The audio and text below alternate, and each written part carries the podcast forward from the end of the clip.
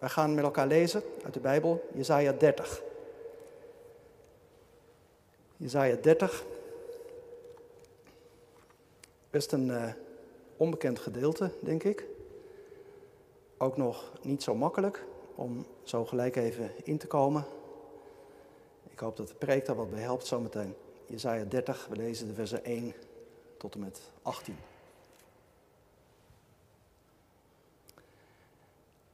Wee de opstandige kinderen, spreekt de Heer, om een plan te maken, maar niet van mij uit. Om een verdrag te sluiten, maar niet vanuit mijn geest. Het is om zonde op zonde te hopen. Zij gaan om af te dalen naar Egypte, maar naar wat mijn mond spreekt, vragen zij niet. Om zichzelf in veiligheid te brengen bij de macht van de farao en om hun toevlucht te zoeken in de schaduw van Egypte. Maar de macht van de farao zal u tot schaamte zijn en de toevlucht in de schaduw van Egypte tot schande. Wanneer zijn vorsten in Zoan geweest zijn en zijn gezanten Ganes bereikt hebben, zullen alle beschaamd staan.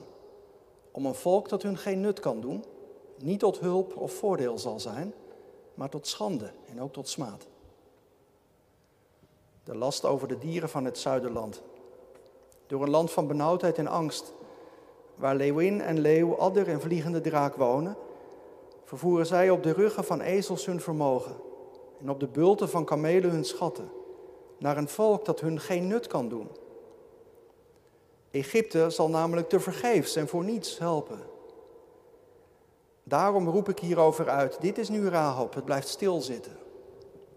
Nu dan, kom, schrijf het in hun bijzijn op een schrijftafel en teken het op in een boek, zodat het blijft staan tot de laatste dag, voor altijd en eeuwig.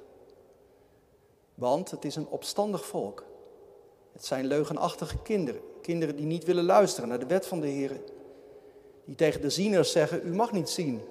Tegen de schouwers, u mag niet voor ons schouwen wat waar is. Spreek tot ons vleierijen, schouw bedriegerijen. Wijk af van de weg, keer af van het pad. Houd de heilige van Israël bij ons vandaan. Daarom, zo zegt de heilige van Israël, omdat u dit woord verwerpt, op onderdrukking en bedrog vertrouwt en daarop steunt, daarom zal deze misdaad voor u zijn als een zakkende, wijder wordende scheur in een hoge muur Plotseling in een ogenblik komt de breuk ervan. Ja, hij zal hem stuk breken als het breken van een pottenbakkerskruik. Hij zal hem verbrijzelen en niet sparen, zodat in zijn gruis geen scherf gevonden wordt om vuur uit de haard te halen of water uit de poel te scheppen. Want zo zegt de Heere Heere, de Heilige van Israël, door terugkeren en rust zou u verlost worden. In stilheid en vertrouwen zou u sterk te zijn maar u hebt niet gewild. U zegt nee, te paard zullen wij vluchten. Daarom zult u vluchten. En op snelle paarden zullen wij rijden. Daarom zullen uw achtervolgers ook snel zijn. Duizend zullen vluchten voor het dreigen van één.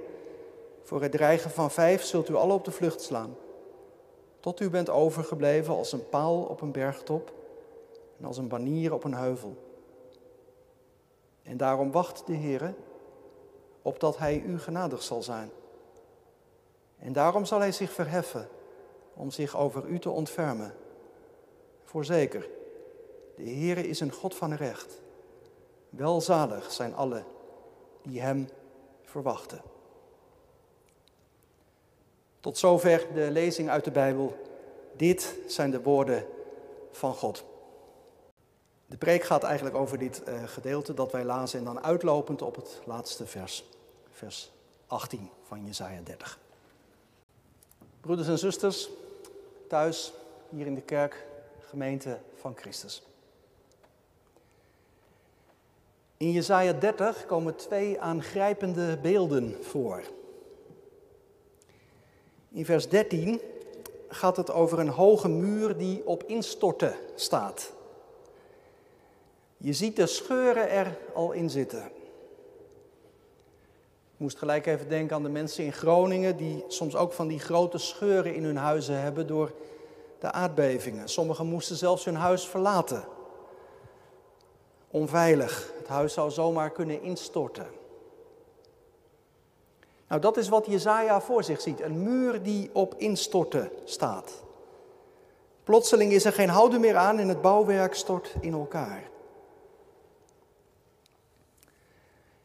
Tweede beeld, direct daarna, vers 14, is dat van een kruik die stuk breekt.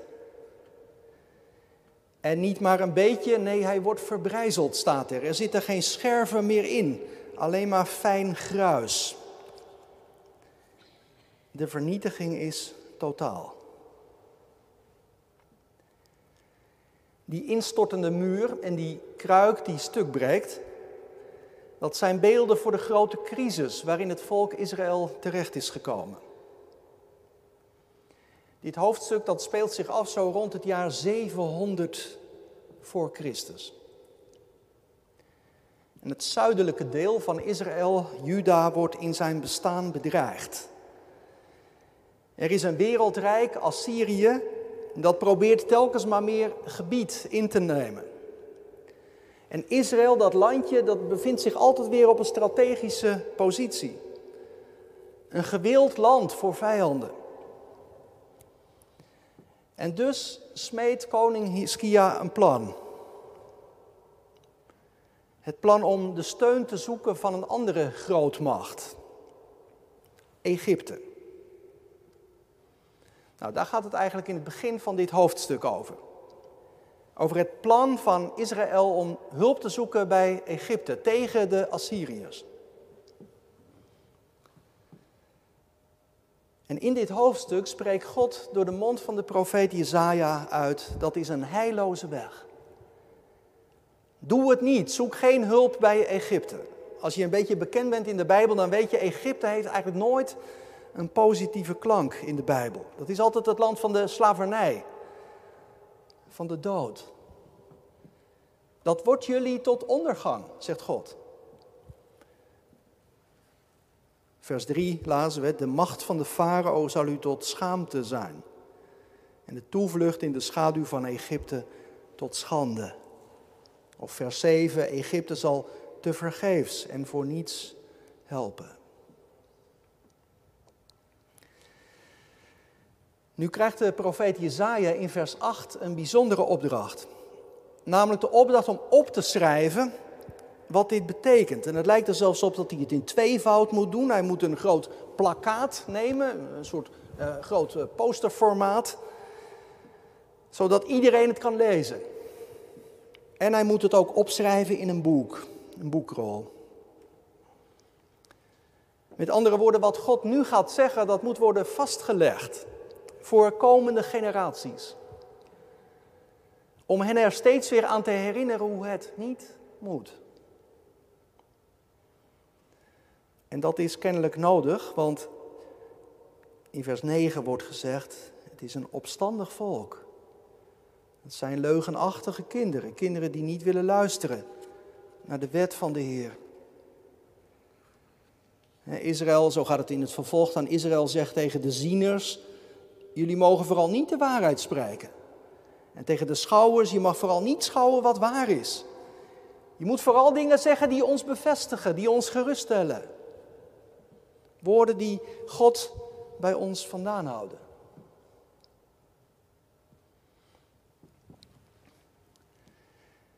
Ik weet niet of wij ons dat realiseren, gemeente, maar eigenlijk is het heel bijzonder dat deze dingen zijn opgetekend, opgeschreven en ook bewaard gebleven. Want het gaat hier om een hele kritische boodschap. En wat zou je anders verwachten dan dat een volk zulke woorden een beetje wegmoffelt? Zo gebeurde dat bij al de volkeren om Israël heen. Geschiedschrijving was daar vooral propaganda. Alleen de heldendaden die werden opgetekend en ook breed uitgemeten. Dat is in onze tijd nog niet zoveel anders, dacht ik. De zwarte bladzijde uit ons eigen leven, daar zijn we nooit zo erg open over. Die wil je het liefst een beetje op de achtergrond. En zo geldt het ook in de geschiedenis van een land. Die zwarte bladzijden die kunnen we vaak maar moeilijk onder ogen zien. Bijzonder dat juist deze kritische woorden bewaard zijn gebleven. En dat als je het Oude Testament leest, eigenlijk de hele Bijbel, dat je het voortdurend ziet. Dat, dat er voortdurend mensen voorkomen die dwalen. Mensen die schuld op zich laden. Die op zichzelf vertrouwen in plaats van op God. Ik vind dat eigenlijk heel troostend. Er is geen boek dat eerlijker spreekt over de mens dan de Bijbel. Ook als het gaat over onze schaduwkanten, over die zwarte bladzijden. Die worden door God opengelegd, aan het licht gebracht. Waarin zit nu, bij al de woorden die klinken in dit hoofdstuk, waar zit nu precies de kern van de kritiek? Nou, als ik het goed zie, dan staat die in vers 15. Moet je me even meekijken. In vers 15 staat, want zo zegt de Heere Heere, de Heilige van Israël, door terugkeer en rust zou u verlost worden. In stilheid en vertrouwen zou u sterkte zijn. Maar u hebt niet gewild. Jullie zeggen nee. Door terugkeer en rust zou u verlost worden. Dat woord terugkeer, dat wordt ook wel vertaald als omkeer of bekering. Omkeer tot de heilige God, dat zou jullie echt hebben geholpen. En die omkeer die bestaat dan niet allereerst uit het ondernemen van actie, het smeden van plannen en bondgenootschappen, maar in rust, in het afzien van eigen plannen en in het opzien naar God.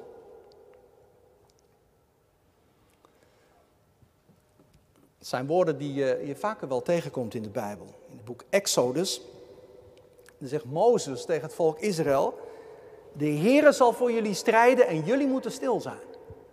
Eigenlijk precies hetzelfde als wat hier staat. En ook in hoofdstuk 7 van het boek Jezaja klinkt het ook. Toen tegen een andere koning, blijf rustig. Wees niet bevreesd. Dat is eigenlijk, ja, ik weet niet hoe goed u het boek Jezaja kent. Ik denk vanaf hoofdstuk 40, dan is het allemaal wat begrijpelijker. En, maar zo die eerste hoofdstukken best ook lastig, maar als je er wat induikt, dan merk je dat is eigenlijk de rode draad die door het hele boek Jezaja heen loopt. Vertrouw niet op je eigen kracht, maar vertrouw op God.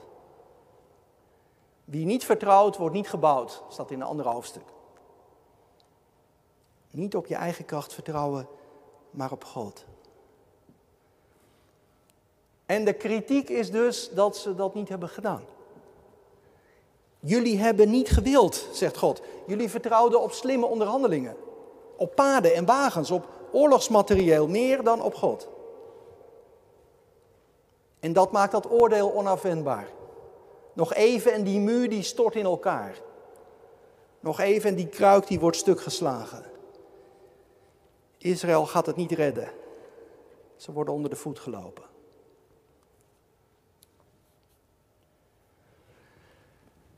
Nou weet ik natuurlijk niet precies wat u allemaal denkt tijdens het luisteren hiernaar, maar laat ik maar gewoon even zeggen wat ik dacht toen ik uh, hiermee bezig was. Hoe zit dat nou precies met onze eigen verantwoordelijkheid dan? Want als je nou in zo'n hele ingewikkelde situatie zit, als je heel kwetsbaar bent als land, staat om zo te zeggen een grootmacht aan de grens, dan zoek je toch hulp. Zeker, je weet dat je in alles op God moet vertrouwen. Maar intussen kun je toch ook moeilijk stil blijven zitten? Het is toch bid en werk? Dat hele idee om het vertrouwen in God tot de basis te maken van je politieke beleid, dat is toch eigenlijk heel naïef?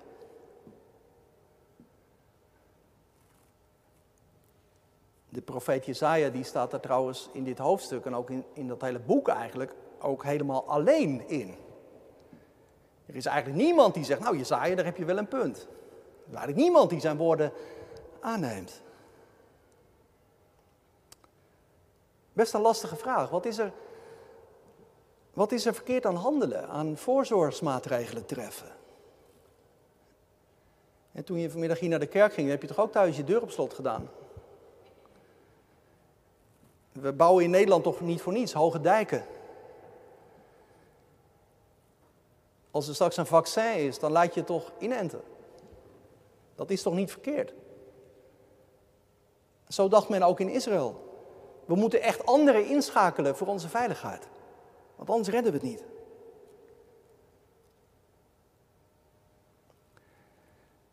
Maar intussen, en dat wordt wel heel duidelijk in dit hoofdstuk. Intussen luisteren ze helemaal niet meer naar God. Ze zijn in een proces terechtgekomen van vervreemding. Wij gaan er vandoor op onze paden, zeggen ze. We handelen zelf en de woorden van de profeet, de woorden van God, die raken hen helemaal niet meer. Ze zijn er eigenlijk doof voor geworden.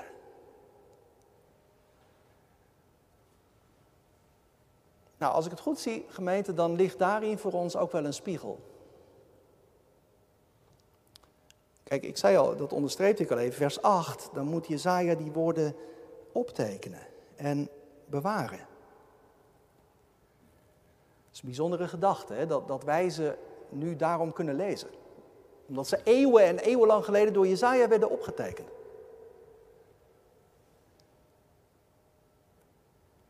Zou het nou ook zo bij ons kunnen zijn? Zou het ook voor ons zo kunnen gelden dat wij in al ons dagelijkse geregel en georganiseer God zijn vergeten? Nou, dat is natuurlijk niet de bedoeling, dat is ook duidelijk. Anders zou je hier niet in de kerk zijn. Anders zou je nu thuis niet meekijken. Maar zou het kunnen? Dat ook wij door dit woord worden aangesproken.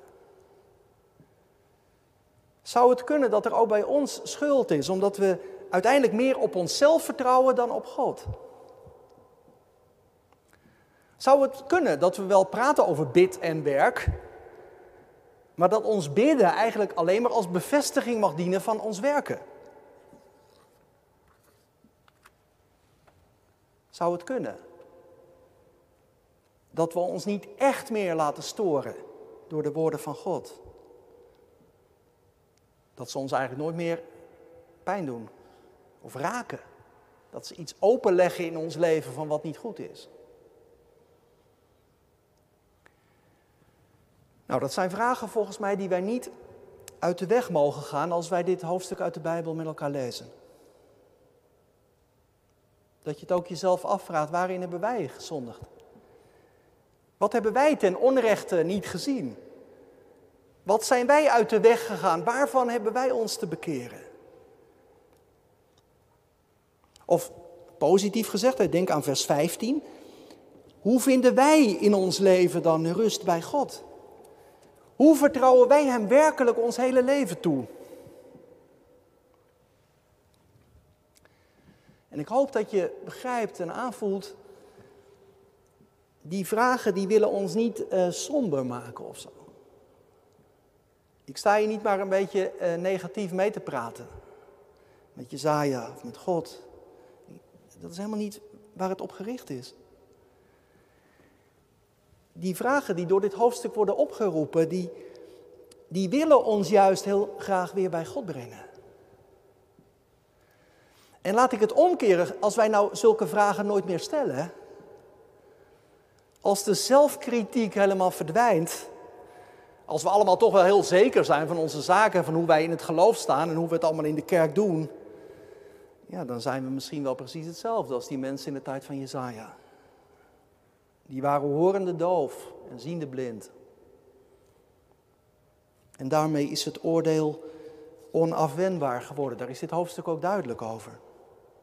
Dat oordeel dat komt. Jullie zullen straks vluchten. Jullie gaan het op deze manier niet redden.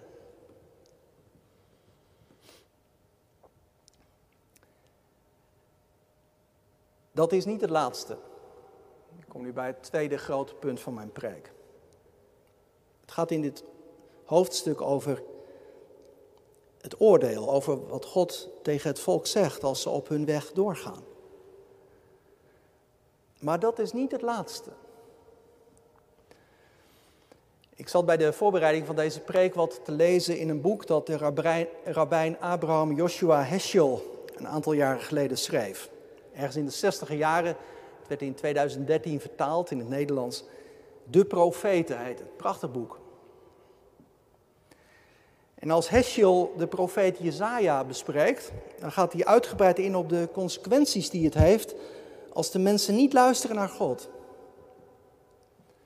God kan dat niet ongestraft laten. Maar, zegt Heschel dan, dat is een mooi zinnetje, hij zegt, er is verdriet in Gods toren.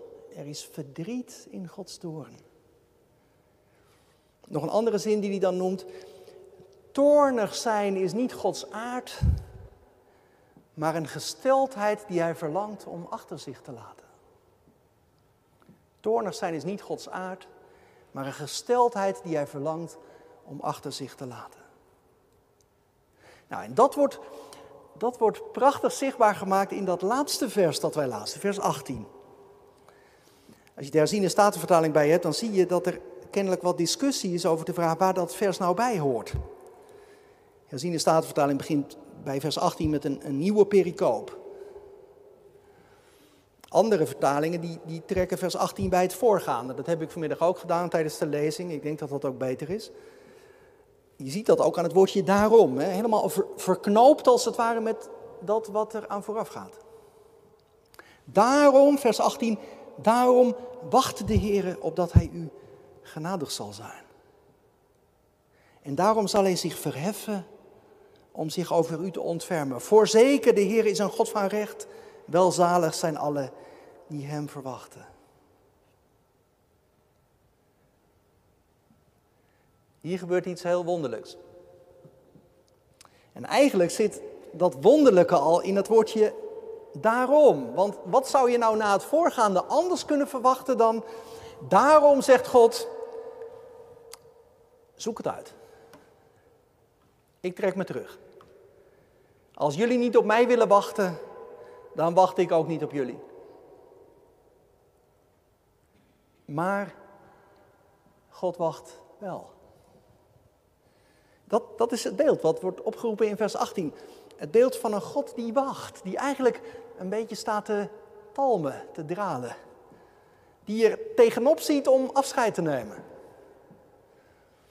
dat kun je ook hebben bij iemand die bij je op bezoek komt.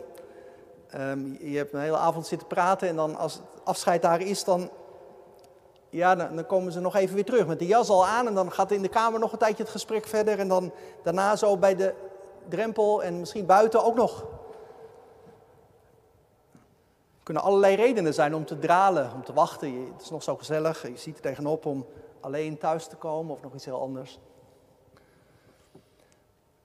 Maar waarom zou God dat eigenlijk doen? Wat moeten wij ons daarbij voorstellen? Bij een God die zijn vertrek nog even uitstelt. Nou, dat heeft alles te maken met die woorden die Heschel sprak. Toornig zijn is niet Gods aard. Wat wel tot de aard, tot het wezen van God hoort, dat is zijn geduld. Hij is juist traag tot toren. Hij wacht om weer genadig te zijn. Dat is wat hij het liefste wil. En dan kun je dit vers uitleggen op twee manieren. De eerste manier is, eh, God wacht tot hij het oordeel heeft uitgevoerd. Want het recht moet zijn loop hebben en daarna, daarna komt hij weer met zijn genade. Of, tweede manier om uit te leggen, God stelt zijn oordeel zo lang mogelijk uit. Hij talmt in de hoop dat zijn volk zich nog zal bekeren. Ik denk dat die tweede mogelijkheid het meest voor de hand ligt. Past ook bij de slotwoorden. Welzalig alle die hem verwachten. God is geduldig. Hij stelt zijn oordeel nog uit. Hij wacht op het moment dat jullie terugkeren.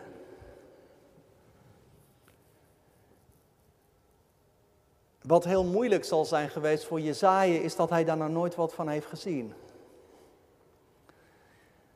Jezaja was om zo te zeggen een dominee die nooit beleidniskatten gezant had. Die nooit vrucht zag op zijn werk. Er werd nooit naar hem geluisterd. En uiteindelijk is het ook uitgelopen op de ballingschap. En toch moesten ook deze woorden worden opgetekend, worden opgeschreven in een boek. De Heere wacht om genadig te zijn. Want definitief trekt hij zijn handen er niet vanaf. Dat wil hij niet. Dat kan hij niet over zijn hart verkrijgen. Hij zal zich verheffen om zich over u te ontfermen, staat er in vers 18. Want hij is een God van recht. Dat is mooi. Gods recht, dat heeft dus niet allereerst te maken met straf, maar met mededogen, met liefde. Recht is in de Bijbel gebaseerd op de belofte van God, op het verbond van God. God die zelf zich verbonden heeft met Israël en daar wil hij niet van af. Omdat hij een God van recht is, daarom is zijn oordeel nooit het laatste woord. God wil zich ontfermen.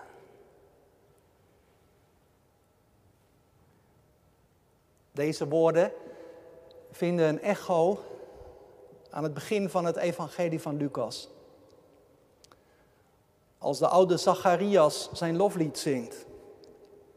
Geprezen zij de Heer, de God van Israël, want hij heeft naar zijn volk omgezien en er verlossing voor tot stand gebracht.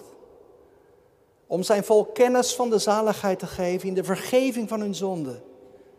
Door de innige gevoelens van barmhartigheid van onze God, waarmee Hij naar ons heeft omgezien. Een schoot van ontferming is onze God. Zo zingt een nieuwe berijming van de lofzang van Zacharias. Een schoot van ontferming is onze God. Zo lief heeft hij zijn volk Israël. En wat een wonder dat zijn ontferming zich niet alleen uitstrekt naar Israël, maar ook, ook naar ons. Want in Jezus Christus heeft God zijn liefde, zijn ontferming en zijn recht vlees en bloed laten worden.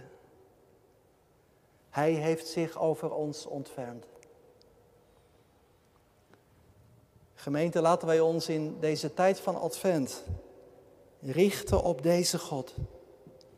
Hij zal zich verheffen om zich over u te ontfermen, zegt de profeet. En zo is het gegaan.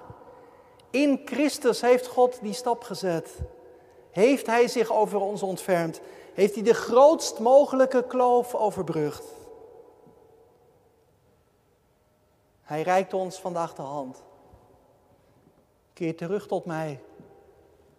Verwacht het van mij. Vind bij mij je rust. Want daarin ligt je sterkte. Psalm 25 is van oudste psalm die bij deze eerste adventszondag hoort. Tot u, Heere, hef ik mijn ziel op. Zo begint die psalm. Laten wij dat doen. Ons leven richten op deze God van onuitsprekelijk grote trouw. Deze God van weergaloze liefde en genade. Deze God die gekomen is en die komen zal. Laat hem niet wachten, maar kom.